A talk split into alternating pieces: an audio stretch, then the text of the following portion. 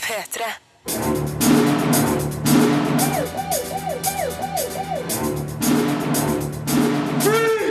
Filmpolitiet! What's your name, dude? Birger Vestmo. What kind of stupid name is that? Actionfilmen Sabotage med Arnold Schwarzenegger er for det meste bare stygg. Zac Efron er drittsekk med glimt i øyet i den romantiske komedien That Awkward Moment. Og belgiske Torden og magi er en haltende animasjonsfilm om husdyrenes hemmelige liv. Det her er de tre premierefilmene som anmeldes i dagens utgave av Filmpolitiet. Dessuten får jeg besøk av vinnerne av Filmpolitiets kortfilmpris, som ble delt ut mandag, nemlig Åslaug Vaa og Anders Øvergård, som regisserte Sing Lingeling. Vi ser tilbake på Game of Thrones sesong fire og fremover mot True Blood sesong sju, ser på årets Amanda-nominasjoner og avslører hvilke. Hvilken dokumentar du bør få med deg på NRK1 søndag kveld. Filmpolitiet Filmpolitiet anmelder film. Three yards under charge. Don't blow your balls off. Don't worry, they're made of brass. Are they as big as your wives? Hard action, det kan jeg like. Arnold Schwarzenegger har òg en høy stjerne i boka mi. Men sabotasje er for det meste bare stygg. Filmen er ikke noe gøy, bare utmattende og umenneskeliggjørende. Det bøttes på med blodige kuletreff og grotesk tortur, uten å kompensere med avvæpnende humor og varme. Jeg forstår hvordan det på papiret kunne se ut som en god match og koble en aldrende Schwarzenegger med regissør David Ayer, som imponerte med sin forrige film, End of Watch. Han fører mye av det samme formspråket i sabotasje, men den mangler den intense spenninga som den forrige hadde. The arrest today of a major cartel leader has led to a seizure of millions in cartel money. John Breacher Wharton, spilt av Arnold Schwarzenegger, leder en gruppe tøffe og uortodokse politifolk som bekjemper narkobanda i California. Nå har de bestemt seg for at det er lønningsdag, og skummer ti millioner av et dollarberg som de så destruere. Men så forsvinner de ti millionene, samtidig som noen begynner å drepe dem én for én. Det her er utgangspunktet for mye tøff prat og brutal skyting. Why do you think the cartel's killing your guys? It's the money. They're watching us. Er det noen som liker action, så er det meg. Sabotage har flere effektive actionscener og inneholder mye vold. Den norske distributøren har valgt å ikke vise filmen for Medietilsynet, noe som automatisk gir en 18-årsgrense, en helt riktig aldersgrense for sabotasje. Dessverre er den samtidig så kald at det er lite for publikum å hekte seg på. Jeg blir nummen av nedslaktinga. Sjøl når sentrale figurer dør, er det ikke følbart. Hvor er moroa? Arnold Schwarzenegger sliter litt med å finne roller som passer hans alder og skuespillerevner. Rollen som John i denne filmen er kanskje en passende match, men det finnes scener her som hadde blitt mye bedre med en sterkere actionskuespiller i samme alderssegment, f.eks. Mel Gibson. Schwarzenegger er ikke flink nok til å vekke de emosjonene som filmens John burde kunne formidle. Han er omringa av et knippe skuespillere som blant andre Sam Worthington, Terence Howard og Max Martini. Noen av dem spiller i overkant tøft, slik at det nesten blir parodisk av og til. Den beste er Mirel Enos, som iskald og nær psykotisk narkopurk, som har blitt litt for glad i stoffet hun etterforsker. Det fins ting jeg liker i sabotasje, men jeg føler at jeg er litt mindre menneske etter å ha sett filmen. Det er ikke en spesiell god følelse å ta med seg. Jeg skulle ønske at regissør David Ayer hadde inkludert litt varme mellom alt det vonde. Sjøl vitsene i Sabotage er mollstemte. Derfor ender filmen opp med å være litt for mye vold og altfor lite gøy. Terningkast tre. Filmpolitiets kortfilmpris. På mandag ble Filmpolitiets kortfilmpris delt ut under kortfilmfestivalen i Grimstad, og sånn hørtes det ut. Mine damer og herrer, eh, det her er jo det nærmeste festivalen kommer en publikumspris. Altså, det er en publikumspris. Juryen her er det norske folk, intet mindre.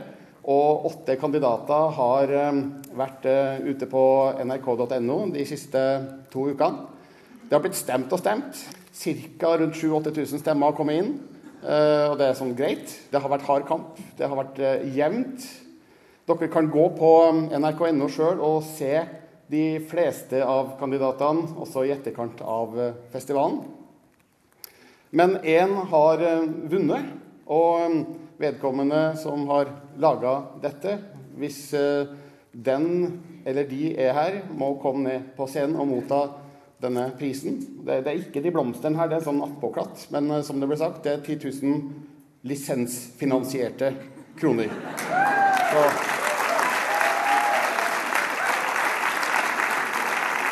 Er det, er det noen her som ikke betaler lisens? Jeg ringer Mo i Rana i morgen. Ok. Vinneren av Filmpolitiets kortfilmpris 2014 er Sing Lingeling. Ja, det ble altså Sing Lingeling som vant Filmpolitiets kortfilmpris 2014. Og nå har jeg besøk av regissørene Åslaug Vå og Anders Øvergård. Velkommen! Tusen takk. Tusen takk. Og nå må dere fortelle hvordan eh, ja, det her er det sportsspørsmålet dere vet. Hvordan føltes det å vinne Filmpolitiets kortfilmpris, Åslaug? Nei, jeg kunne ikke tro det. Rett og slett. Det var helt uventet. Anders, det var du som kom ned på scenen og mottok pris og sånn. Hvordan var det? Ja, som du sa, helt uventet. Jeg var uh, i litt sånn sjokktilstand egentlig der jeg sto. Um, nei, det var, helt utrolig. Helt utrolig altså. Men Åslaug, hvorfor tror du at Sing Ling Ling gikk av med seieren i avstemninga? Ja, da må jeg først få lov å takke alle som har stemt på denne filmen, som er enkel og sjarmerende og tar deg med inn i et klasserom. Eh, den er veldig, veldig enkel, og jeg tenker kanskje at det er noe publikum har likt. Eh, men jeg tror også det er sånn at mye musikkfolk og mye folk i folkemusikkmiljøet og mange, mange telemarkinger har vært med å stemme denne filmen frem. Og tusen, tusen takk. Men de sier også at de liker den, og at den er sjarmerende. At det ikke Altså, lokalpatriotismen er sterk i Norge. Vi kan ikke underslå det. Og det handler altså da om en liten skoleklasse, fem jenter som får undervisning i kveding. La oss høre et lite eksempel på, på det her fra filmen.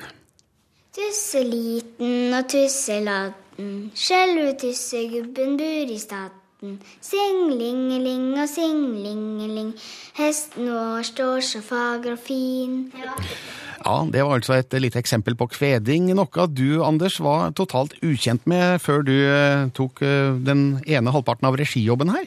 Ja, stemmer. Det var veldig, veldig artig når jeg fikk materialet av Åslaug og så på det og ble egentlig veldig fenga av materialet. Det var, noe helt nytt. Jeg hadde ikke jeg hadde ikke sett noe lignende. Eh, Jeg hadde liksom hørt om kveding fra når jeg lærte om norrøn mytologi på barneskolen eller et eller annet for lenge siden. Det var sånn, jeg kan så vidt skimte at vi lærte noe om det. Men jeg hadde på en måte ikke sett noen, noen som, driver, som, driver med kveding eller sånne ting. Så ja, det var veldig, veldig nytt. Åslaug, det var du som satte i gang det her prosjektet. Hva var bakgrunnen for det? Bakgrunnen for det er at jeg er opptatt av kulturarv. Eh, vi er veldig gode i Norge etter hvert på å bevare fysiske kulturminner. Vi er snart verdensmester på verdensarv. Men vi har også noe som heter immateriell kulturarv. Det vi bærer med oss av kunnskap som mennesker. Og vår sangtradisjon, den vokale sangtradisjonen, er enormt stor her i landet. Det er mange flere enn noen tror som kveer om de er kulturredaktører i en stor avis, journalister i NRK eller bønder. Eh, dette materialet, det er jo i ferd med å Eller denne tradisjonen er jo i ferd med å bli institusjon, institusjonalisert i likhet med veldig mye annet. Og Agnes Buen Garnås, en av Norges virkelig storkvearer, hun er på en måte et levende arkiv, og det vi møter i denne filmen, er at hun i praksis formidler dette til niåringer i Åmotsdal. Agnes Bunn Garnås hun har stått på verdens største scener sammen med Garbarek. På 70-tallet sang hun på Klubbsju. Hun var overalt. I dag er det liksom mye mer skille mellom disse sangformene. Og jeg ønsker å løfte frem denne tradisjonen og synliggjøre den, og vise at det er viktig å, å ta vare på og føre den videre. Åslaug, det er du som har filma disse barna, og hvordan forberedte du så unge barn på å bli dokumentert foran kamera? Altså, vi, vi jobbet veldig lite på forhånd. Vi gikk rett på med kamera. Jeg jobber sammen med en fantastisk filmfotograf fra Belgia som heter Virginie Sourdei, som har laget veldig mange dokumentarfilmer. Så vi jobbet med å etablere fortrolighet mellom ungene og Agnes og kamera. Og vi jobbet veldig tett på dem, samtidig som vi gestalter at vi er i et klasserom. Eh, lydmannen kommer fra Paris, heter Olivier Tours og har et språk, nei, et språk og musikkøre som er enormt godt. Og jeg tror det var veldig fint å jobbe sammen med to som kommer utenfra. Som har et, et syn på denne tradisjonen som ikke er liksom sløret til av fordommer mot landsbygd og folkemusikk og mange sånne ting. Men, det, men vi jobbet veldig enkelt med både ungene og Agnes, og hun er, Agnes er en umåtelig enkel person å jobbe med, som er så trygg i seg selv og det hun formidler. Så jeg følte at det, det var en enkel prosess. La oss høre et lite eksempel på det fra Sing Lingeling.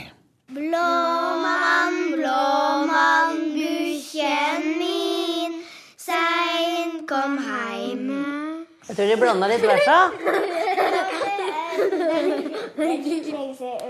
Ja. ja. Ok, vi får en annen. Mm. Kjerringa med Staven høgt oppi hakk... Litt høyt. ja. Ekte og umiddelbar sangglede her fra innspillinga av Sing Lingeling. Anders, eh, du kom inn i prosjektet i etterkant av filminga. Hva, hva ble din oppgave her? Nei, Åslaug lurte på om jeg hadde lyst til å komme inn i prosjektet og være etterarbeidsregissør da, på denne filmen. Eh, og det var litt morsomt, for jeg hadde ingen Ja, visste ikke så mye om keding. Eh, så jeg kom inn med litt nye øyne og ble veldig fascinert av materialet. og satt og så på dette råmaterialet og ville egentlig ha med alt, for det var så mye bra. Men det måtte bli en film ut av dette, og da ble det å lage en film hvor, eh, hvor man jeg føler at man er i klasserommet og sitter sammen med disse, disse barna da, Mm. eh, i undervisninga. Og blir på en måte blir sittende og observere. Og det var gjort veldig bra forarbeid. altså det var Ungene var helt ærlige og helt seg selv, og de var ikke redd for kamera. Og, så det var et veldig bra materiale å jobbe med. Eh, mm. Åslaug, du har jo nå planer om å lage en eh, lengre dokumentar om kveding. Ja. Singlingling er en del av et prosjekt som heter Ei vise ville kvea, som jeg håper skal ende i tre filmer. Singlingling er den ene. Så håper jeg vi skal klare å lage en musikkvideo med bare sang. Og så jobber vi nå med en dokumentarfilm, og da jobber vi på Møstron rundt det oppdemte Møsvatn, hvor, eh, hvor eh, alle kveer. Det tror jeg nesten jeg kan påstå. Det er ingen der som ikke har et forhold til kveing. Og der jobber vi med fem hovedpersoner, og det blir en slags sånn roadmovie på vannet. Eh, hvor det synges og fortelles om stedet. Ja. Eh, Anders, du skal ikke være med på det. Du, du skal gjøre andre ting. Ja, jeg, jeg er jo, har jo alltid drømt om å lage litt sånn science fiction action og sånt, og det er litt, litt på et annet plan, men, men det har vært veldig morsomt å være med, og, og jeg er med på testvisninger og, og ja, hjelper til som Fra, fra kveding til science fiction. Ja. Men eh, det høres ut som en helt naturlig overgang. Yes. Åslaug Vaa og Anders Øvergaard, hyggelig å ha dere her på besøk, og gratulerer igjen da med, med seieren i Filmpolitiets eh, kortfilmpris. Tusen Ja, takk. tusen takk til NRK, tusen takk til Kortfilmfestivalen i Grimstad, og tusen takk til publikum og lisensbetalerne. Singlingeling kan Sjåes på p3.no skråstrek filmpolitiet. Filmpolitiet anmelder film. That Awkward Moment blir anmeldt av Marte Hedenstad. I think I took too much Viagra. I just really gotta take a leak. Just get horizontal. Get horizontal? This is the stupidest idea I've ever. Whoa. Wait, bro, it's actually working. Yeah, I know. Of course it is. Med filmen 17 Again begynte Zac Efron å ta steget vekk fra gullguttstempelet han hadde hos Disney. Og da filmen Bad Neighbors kom tidligere i vår, var det ingen tvil om at stempelet var vaska vekk for godt. I That Awkward Moment spiller Efron skjørtejegeren Jason som morer seg med damene så lenge han kan, men passer på å dumpe dem før det blir for seriøst. Dette er imidlertid en romantisk komedie, så drømmedama dukker selvfølgelig opp. Og Jason får problemer når han må velge mellom dama eller sitt ville singelliv. Is that ice cream? Yeah, it's peanut butter chocolate. Give me the ice cream. No, I need it. Når Jasons kompis Mikey, spilt av Michael B. Jordan, blir forlatt av kona, inngår de en pakt med kameraten Daniel, spilt av Miles Teller, om at de skal holde seg single helt til Mikey har funnet seg en ny dame. Det skal vise seg å bli vanskeligere enn ungkarsbanden hadde tenkt, når de plutselig forelsker seg på hver sin front.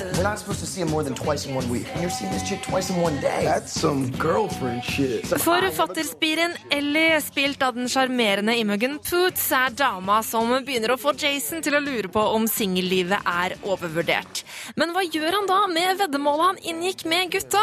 Og hvordan skal han tørre å ta det store steget inn i et seriøst forhold? I love the way she laughs. I love the way we fit together in bed because we're the same height. Our crotches line up perfectly. That's really good. I love that. I love that. Yeah. Fortellingen om rundbrenneren som ble omvendt, har vi hørt tusen ganger før. Og historien i That's Awkward Moment byr på få overraskelser. Det legges opp til at publikum skal ha empati for Jason, som på tross av sitt utsvevende liv og mangel på respekt for kvinner, egentlig har et godt hjerte. Hadde det vært noen andre enn Zac Efron i hovedrollen, så hadde det nok ikke fungert, men Efrons gutteaktige sjarm får drittsekkrollen til å virke sympatisk. Det hjelper også på at han og Imogen Poots har god kjemi, som gjør deres kjærlighetshistorie troverdig. I don't know what to do, man. You gotta help me. Where's she at right now? I think she's uptown at some dress-up party. Well, then you are gonna be the guy who dresses up. Det må også nevnes at Miles Teller er som Vince Vaughn i en yngre utgave, men merkelig nok er han faktisk morsom, og jeg føler ingen intens trang til å rive av ham hodet. Skal jeg sette That Awkward Moment i bås, vil jeg si at den er mer en bromance enn en såkalt chick flick. Men dette er absolutt en film som passer for både ham og henne. Filmen er ikke akkurat noen Oscar-vinner, men denne romantiske komedien passer godt som lett underholdning, gjerne på en smådaff søndag. Which one of you idiots uses self tanner? I do. Why? Because I thought it was lotion. What? And now my junk is orange. oh no. That looks like a traffic cone. Terningkast fire. P3. P3. Denne uka ble årets Amanda-nominasjoner offentliggjort. Amanda er jo da, vi kan vel kalle det den høyeste utmerkelsen en norsk film og norske filmskapere kan få i Norge. Og hvis vi ser på lista, så viser det seg at Tusen ganger god natt og Blind preger nominasjonene med sju hver. Og det er vel helt naturlig at to av de beste norske filmene fra det siste året får flest nominasjoner også, Rune Haakonsen? Ja, absolutt. Det interessante er at filmene plasserer seg litt på hver sin ende av spekteret innen norsk filmproduksjon, med en sånn internasjonal storfilm og en litt mindre og, og, og, og norskere type film, rett og slett, med da eh, Blind, som, som jeg likte veldig godt. De to er nominert i kategorien Beste norske kinofilm sammen med Solan og Ludvig, Jul i Flåklypa, som eh, plasserer seg i det tredje hjørnet i det spekteret her. Barnefilm. Men sett av eh, utrolige 860 000 eller noe sånt, det er jo helt vanvittige tall. Utrolige tall. Med norsk kinofilm i tankene så er det tall som de aller fleste bare kan drømme om hvis man setter opp noe på kino i Norge. Nå er det ikke publikumstall som først og fremst avgjør hvem som vinner Amanda for beste norske kinofilm.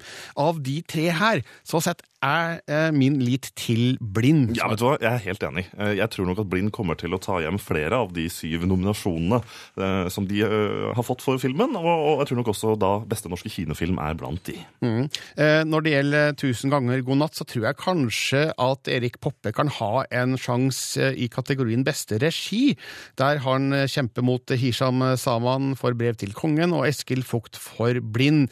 Eh, Vanskelig å forutsi, selvfølgelig, men det er jo et eh, sannsynlig utfall, i hvert fall. Jeg vil se for meg at de nok kan eh, dele disse to gjeveste kategoriene seg imellom. Om det ville ikke overraska meg heller. Ja, Når det gjelder Solan og Ludvig jul i Flåklypa, så er jo den også nominert eh, som årets eh, beste barnefilm, hvor jeg vil tro den har en glimrende sjanse. Samtidig, Kule kids gråter ikke er også nominert. En, en liten eh, favoritt fra min side akkurat der.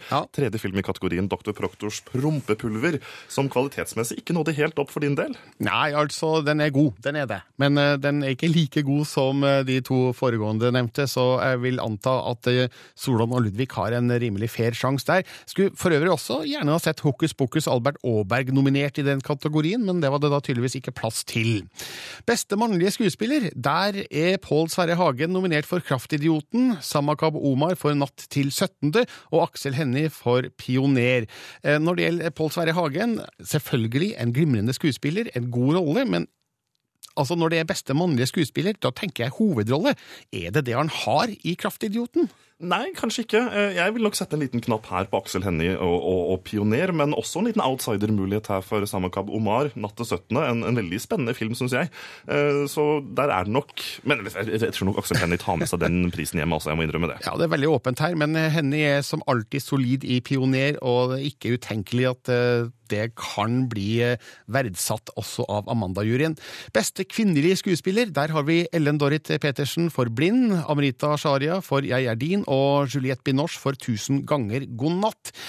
Og her er det vel verdt å merke seg at eh, Andrea Brein Hovig ikke er nominert for sin rolle i Det er meg du vil ha, som jo er blitt kritikerrost opp i skyene og Mm, går på mm. kino akkurat nå. Men eh, det var tydeligvis ikke nok da for Amanda Forhåndsjuryen. Jeg tror nok at eh, Ellen Dorrit Petersen da for sin rolle i Blind vil være det, det sikreste valget her. Men Amrita Asharia, også Jeg er din, likte jeg fantastisk godt. Altså. Så det der er også et åpent felt. Veldig vanskelig å, å se noen tydelige favoritter. Jeg tror Ellen Dorrit Petersen kan gjøre seg klar til å entre scenen. Bare begynne å skrive takketale akkurat nå. Det som er spennende med Amanda-nominasjonene og enhver annen nominasjonsannonsering, det er hvor er bombene, hvor er kontroversene? Eh, kanskje ikke vært så mange kontroverser når det gjelder Amanda i år? Ja, Hvis du ikke tenker på Død snø 2, for Stig Frode Henriksen har gått ut med kraftskyts og mener at juryen må være tilnærmet inkompetente, uttaler han til nettstedet Filter, for at de har blitt utelatt i kategorien beste lyddesign da, for Død snø 2, hvor vi i stedet finner Blind, Gåten Ragnarok og Natt til eh, 17. Eh, Det er alle gode eh, lydkandidater, dette, så jeg tror nok det er, litt vel kraftig skyts fra Stig Frode Henriksen. Men eh, det var jo fortsatt en såpass eh, festlig film at jeg gjerne skulle sett litt mer heder også til eh, Død snø 2. Ja. Eh, årets utenlandske film kan vi bare nevne helt til slutt. Eh, Fem filmer nominert der. 'Blå er den varmeste fargen', 'Den grønne sykkelen', 'Den store skjønnheten', 'Gravity' og 'Nebraska'. Og med unntak av 'Gravity', eh, fryktelig lite Hollywood her, og det er kanskje et positivt tegn? Jeg setter en knapp her på Den store skjønnheten av Paolo Sorrentino, som er en av de aller beste filmene jeg så på kino i fjor. rett og slett. Den vant også Oscar for beste utenlandske film under utdelingen tidligere i år. Så jeg tror nok Den store skjønnheten fra Italia stikker av med Amanda for årets beste utenlandske film. Vi får se når Amanda-prisene deles ut i Haugesund 16. august. Filmpolitiet anmelder TV-serie. Your joy will turn to ashes in your mouth, and you'll know the debt is paid. Sooner or later, Cersei always gets what she wants. Let the priests argue over good and evil. They can live in my new world, or they can die in their old one. Game of Thrones sesong fire ble avslutta denne uka med den tiende og siste episoden. Filmpolitiets store Game of Thrones-fan og ekspert, Marte Hedenstad, velkommen hit. Takk for det. Nå kan du se litt tilbake på sesong fire og konkludere med hvordan eh, den her har vært. Eh, Står serien seg fremdeles? Stere, sterien? Sterien, ja. Serien står seg så absolutt. Eh, Men det som kanskje mange vil legge merke til, er at tempoet har vært kanskje litt lavere i denne sesongen enn tidligere. Det er fordi at de har fokusert i mye større grad enn før på karakterutvikling, sånn at vi har på en måte blitt enda litt bedre kjent eh, med rollefigurene våre. Er det bra eller dårlig? Eh, Det er både negative og positive ting ved det. Jeg syns det er veldig fint å, å lære rollefigurene våre bedre å kjenne, eh, for de er jo veldig veldig interessante, mange av dem. Men noen ganger så er det kanskje noen episoder i serien som dras litt for langt ut, og som også da gjør at slutt slutten på sesongen da må wrap it up litt, litt for raskt. Ja, mm. Det blir eksempel veldig mye spasering på Arya Stark og The Dog i løpet av sesong fire. Ja, The Hound og Arja Stark de, de Hound, går ja, eh, ganske mye rundt. eh, Det er jo spilt inn på Island, så det er veldig mye flotte landskapsbilder der. Men eh, det blir kanskje litt for mye av det gode. Men likevel så syns jeg at sesongen har vært veldig bra, og det er veldig masse spennende som har skjedd der. Og jeg veit også at det er en del TV-serier som har fått noen sjokk også denne gangen. Uten at vi skal avsløre Ja. noen av de, altså. Men serien holder seg fremdeles veldig godt på det visuelle og det fortellertekniske. Altså det er fremdeles høy kvalitet på alle fronter her. Absolutt. Produksjonsnivået er skyhøyt. Eh, Og det som også HBO har vært veldig gode med på alltid med Game of Thrones, er selve castinga. Eh, Og det må jeg si at eh, han som spiller Oberon Martell, altså The Prince of Dorn i serien, han er helt fantastisk. Det er jo da Pedro Pascal jeg snakker om her, som spiller denne prinsen fra Dorn som kommer til Kings Landing for, for å lage litt trøbbel, da. Han har Mm. vært et eh, et eh, flott innspill eh, i denne sesongen. Litt morsomt å se at Kristoffer Hivju får en litt større rolle Ja. her enn i sesong tre. Eh, Spesielt i den nest siste episoden, Mm. Vavoom. Ja. Eh, og, men favoritten min i hvert fall er fremdeles, må jeg si, Peter Dinklage. Ja, og det er han eh, absolutt for meg også. Og dette her har jo virkelig vært Tyrion Lannisters, hans rollefigur, store sesong. Veldig mye fokus har vært på han i denne sesongen. Og det jeg skal jo kanskje ikke si hvorfor, men Nei. han blir jo da anklaget for noe han ikke har gjort, da, og det får store konsekvenser. Du har jo lest alle bøkene George R. R. Martin har skrevet, og vet du litt om hva vi kan forvente oss eh, fremover? Uten, igjen, uten å spoile noe her, Ja, Marte? eh, Det som er veldig spennende nå, er at jeg er litt usikker på hvordan serieskaperne eh, kommer til å ta for seg de to neste bøkene i serien. Mm. Eh, For de foregår parallelt. altså Bok fire er et knippe rollefigurer fra et, på et gitt tidspunkt, og så er bok fem andre rollefigurer i det samme eh, tidspunktet, der, i samme tidslinjen. Ja, ja. Og Derfor lurer jeg på hvordan det kommer til å bli. Det er mange som snakker om at bok fire var litt kjedelig, eh, og som da kanskje håper at det skal bli mer fra bok fem. Så jeg er usikker på hvordan de kommer til å gjøre det, men det blir spennende å se. Det er kanskje nærliggende å tro at de vil kombinere ting fra bok fire og fem? Det, det må de jo egentlig gjøre. Eh, For eh, vi kan ikke ha én sesong som eh, handler om noen, og en sesong til som handler om noen andre. Men jeg bare lurer på hvor de kommer til å da kutte historien, da, og, eh, og hvordan de skal få plass til alt dette. Marte, du har gitt eh, Game of Thrones sesong fire Terningkast fem. På mandag starter True Blood sesong sju i samme spot, kan du si, da, som Game of Thrones sesong fire hadde på eh, HBO og Seymour. Yes, Og jeg har sett de to første episodene. Filmpolitiet anmelder TV-serie. Nobody in this town knows vampires better than me.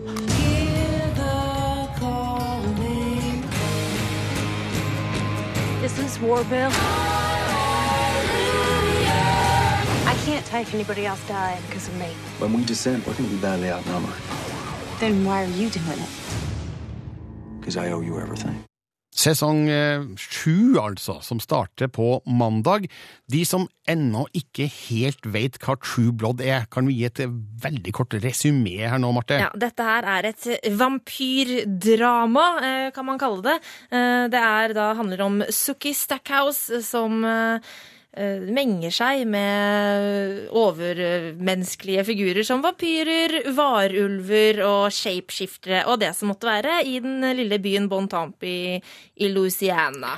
Du har da sett de to første episodene av sesong sju, og kan du gi et lite overblikk eh, av hva som skjer eh, der? Ja, dette her er jo den aller siste sesongen for True Blood, så nå skal jo HBO begynne å samle sammen trådene her, men eh, i kjent eh, True Blood-stil så begynner første episode på denne sesongen i samme scene som avsluttet forrige sesong.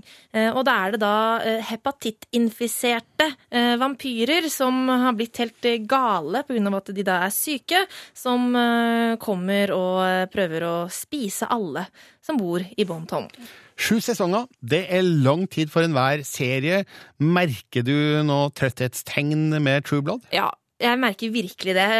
det altså, jeg, det er sjelden at jeg har sett serien så blodfattig, på tross av at det er så mye blod i den. Wow. Eh, Det begynner å den Serien har gått altfor lenge. Det har gått altfor mange sesonger, og de har ikke klart å opprettholde den spenningen som vi har sett i tidligere sesonger. Um, så jeg ble egentlig ganske skuffa over de to første episodene, men eh, heldigvis på slutten av eh, episode to så tok det seg lite grann opp. Og eh, uten å si for mye, så var det jo veldig mange som da lurte på hva som skjer, eh, skjer med han veldig heite vampyren Eric, eh, som eh, fikk en litt sånn merkelig slutt på den forrige sesongen. Han er jo da spilt av Alexander Skarsgård. Mm. Eh, og eh, uten å si hva som skjer, så kan jeg si at det var en ganske overraskende vri. Vi får se på hva som skjer med han, så det, det var positivt. Men ellers litt blodfattig, altså. Anna Paquin spiller fremdeles hovedrollen som Mm. Suki Stackhouse. Eh, Er hun fremdeles en interessant figur, eller? Nei, hun er egentlig ikke det. Eh, Jeg er litt lei av eh, Suki Stackhouse. Vi har uh, fulgt for mye med på dette trekantdramaet, eller firkantdramaet. Hun har jo så mange menn å velge mellom. Uh, Og nå er hun jo da sammen med Alcide, varulven, men vi vet jo ikke helt hvem hun ender opp med til slutt. da. Er det Bill, den gentlemanaktige vampyren? Er det Eric, den heite vampyren? Hvem er det? Hvem er det som skjer, liksom? Uh, Jeg er litt lei av det der kjærlighetsdramaet der nå. Ja. Men altså, de to første episodene har du sett av sesong sju. Karakteren Marte, det må vi komme fram til her. Ja, det må vi komme frem til, eh, og den rykker faktisk ett hakk ned fra i fjor, som jeg ga terningkast fire. Terningkast tre. Ah, men ja. du har et lite håp om at ting har tar seg litt opp? Jeg har et lite håp, for som sagt så eh, var det litt sånn ekstra spenning på slutten av eh, episode to, og derfor håper jeg at eh, serien og denne siste sesongen kan få seg et løft. Filmpolitiet anmelder film. La meg få introdusere det nyeste medlemmet i truppen vår. Han er søtere enn den gamle kaninen. Vi har ikke tenkt å la dem mjaue deg inn her for å ta over. Både hunder og katter snakker med hverandre når vi voksne ikke ser på. For oss høres det kanskje ut som knurring og mjauing, men for barn, og noen voksne med fantasien i behold, høres både stemmer og personligheter. I Torden og magi blir en katt ubønnhørlig overlatt til seg selv da en familie flytter fra huset i en anonym forstad i en anonym storby. Redd søker den lille katten ly i et gammelt hus. Et magisk hus. Neimen, hallo. Lauritz, en pensjonert magiker som tar den hjemmeløse katten til seg og gir den navnet Torden, snakker ikke bare med dyr. Han har gitt liv til en armé av gamle leketøy, som sammen med Torden, musa Maggie og den mannevonde kaninen Jack må redde det magiske huset fra en grådig eiendomsmeglernevø. Vi er nødt til å stoppe ham. Jeg har en idé! Den belgiske filmen 'Torden og magi', med utmerkede norske stemmeskuespillere, maler en fantasirik og engasjerende verden for barn å leve seg inn i. Med akkurat riktig mengde spenning og dramatikk flyttes selv de minste kinogjengerne fremst på setekanten i filmens spennende jaktscener. For et voksent øye er det likevel mer som skurrer. Manuset og fortellingen gir ikke noe ekstra til det voksne publikummet, mens viktige hendelser skjer tilfeldig uten årsak eller forklaring. Er det vårt problem. 3D-effektene i Torden og magi er også tidvis amatørmessige. I stedet for å utnytte dybden og gi det magiske huset til den gamle mannen Lauritz ekstra innhold, er filmen fylt med morsomme sekvenser, hvor du som publikummer får stappet ansiktet fullt av maling og andre gjenstander. Europeisk animasjonsfilm har levd sitt eget liv, uavhengig av Hollywood. Og gjennom å perfeksjonere tradisjonelle disipliner skapt tidløse klassikere. Å emulere amerikansk 3D-animasjonsfilm, og da spesielt Pixars suksessoppskrift, er vanskelig. Europeiske Studio Canal har gjort et realt forsøk, men torden og magi faller til slutt til kort.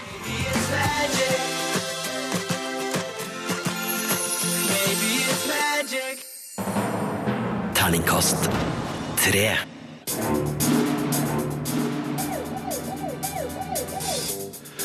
Søndag kveld viser NRK1 kortfilmen eh, Klubb 7, som denne uka ble nominert til en Amanda-pris.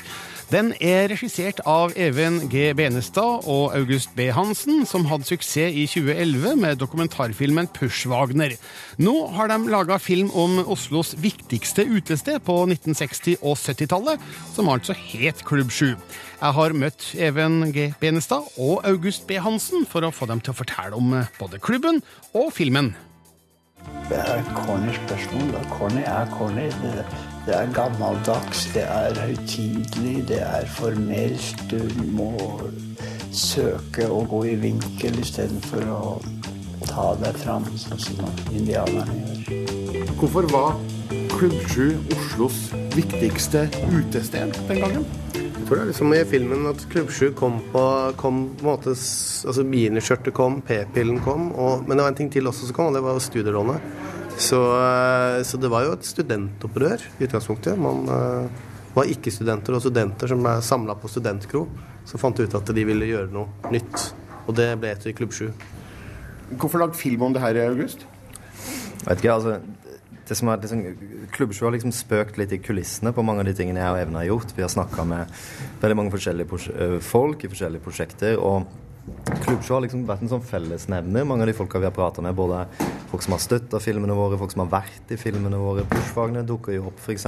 på det første bildet vi fant fra Klubbshow fra 1963. Så, så, og så er det jo liksom det er et myteomspunnet sted som alltid liksom har Tanken på Klubbsju har alltid tiltrukket meg. Jeg tror jeg hadde vært der selv hvis, det, hvis jeg hadde levd i den tida. Så, så det måtte vi gjøre. Da kom jo p-pillen på 60-tallet. Det var veldig viktig. P-pillen Kom så går vi, Per. og miniskjørtet. Da ble det lus i velga, hadde jeg sagt. Altså, i, i dobbelt forstand. For Ja, hva foregikk på Klubbsjø? Altså, ja, foregikk- altså, det var jo, var jo først og fremst et musikksted eh, først. Og så ble det jo teater.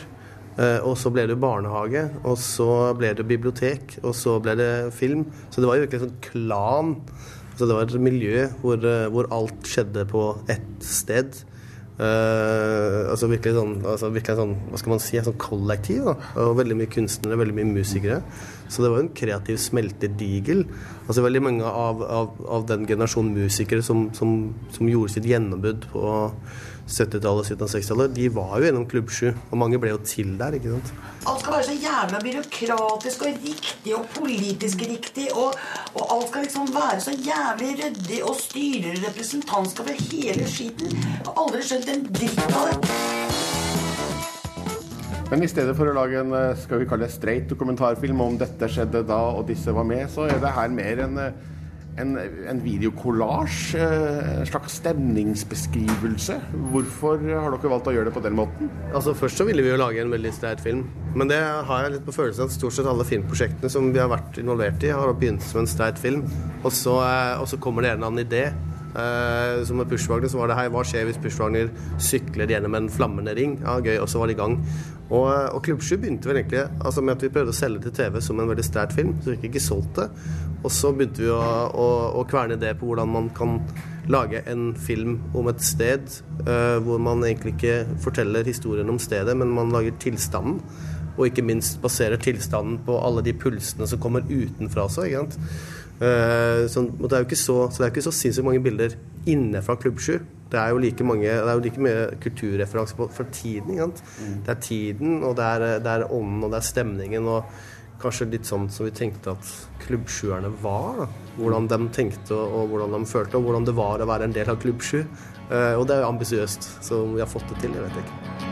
At alt skal ta slutt. Det er, noen ganger så syns jeg at det er for jævlig. Men det er jo sånn syklusen i livet er Alt skal bort. Alt skal vekk. Opphørssalg Til og med planeten vår skal jo vekk etter hvert.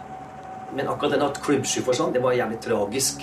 Det siste var et filmklipp. Før det hørte du Even G. Benestad og August B. Hansen, som har regissert kortfilmen Klubbsju.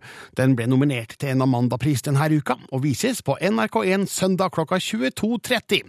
Jeg vil bare tipse deg om nettstedet vårt, p3.no slash filmpolitiet. Der kan du lese anmeldelse av dagens kinopremierer. En høflig firer til That Awkward Moment, en treer til Sabotage og en treer til til Torden og magi, hvilket betyr at de beste filmene som har hatt premiere de siste ukene, er Edge of Tomorrow, med Tom Cruise, som fikk terningkast fem, og den franske animasjonsfilmen Kule kryp, som også fikk terningkast fem. Stikk inn på p3.no slash filmpolitiet for å se både video og lese tekst og kommenter anmeldelsene hvis du føler for det. Jeg heter Birger Vestmo. Ha en riktig god fredag og helg. Filmpolitiet med Birger Vestmo på P3. Hør flere podkaster på nrk.no podkast. P3.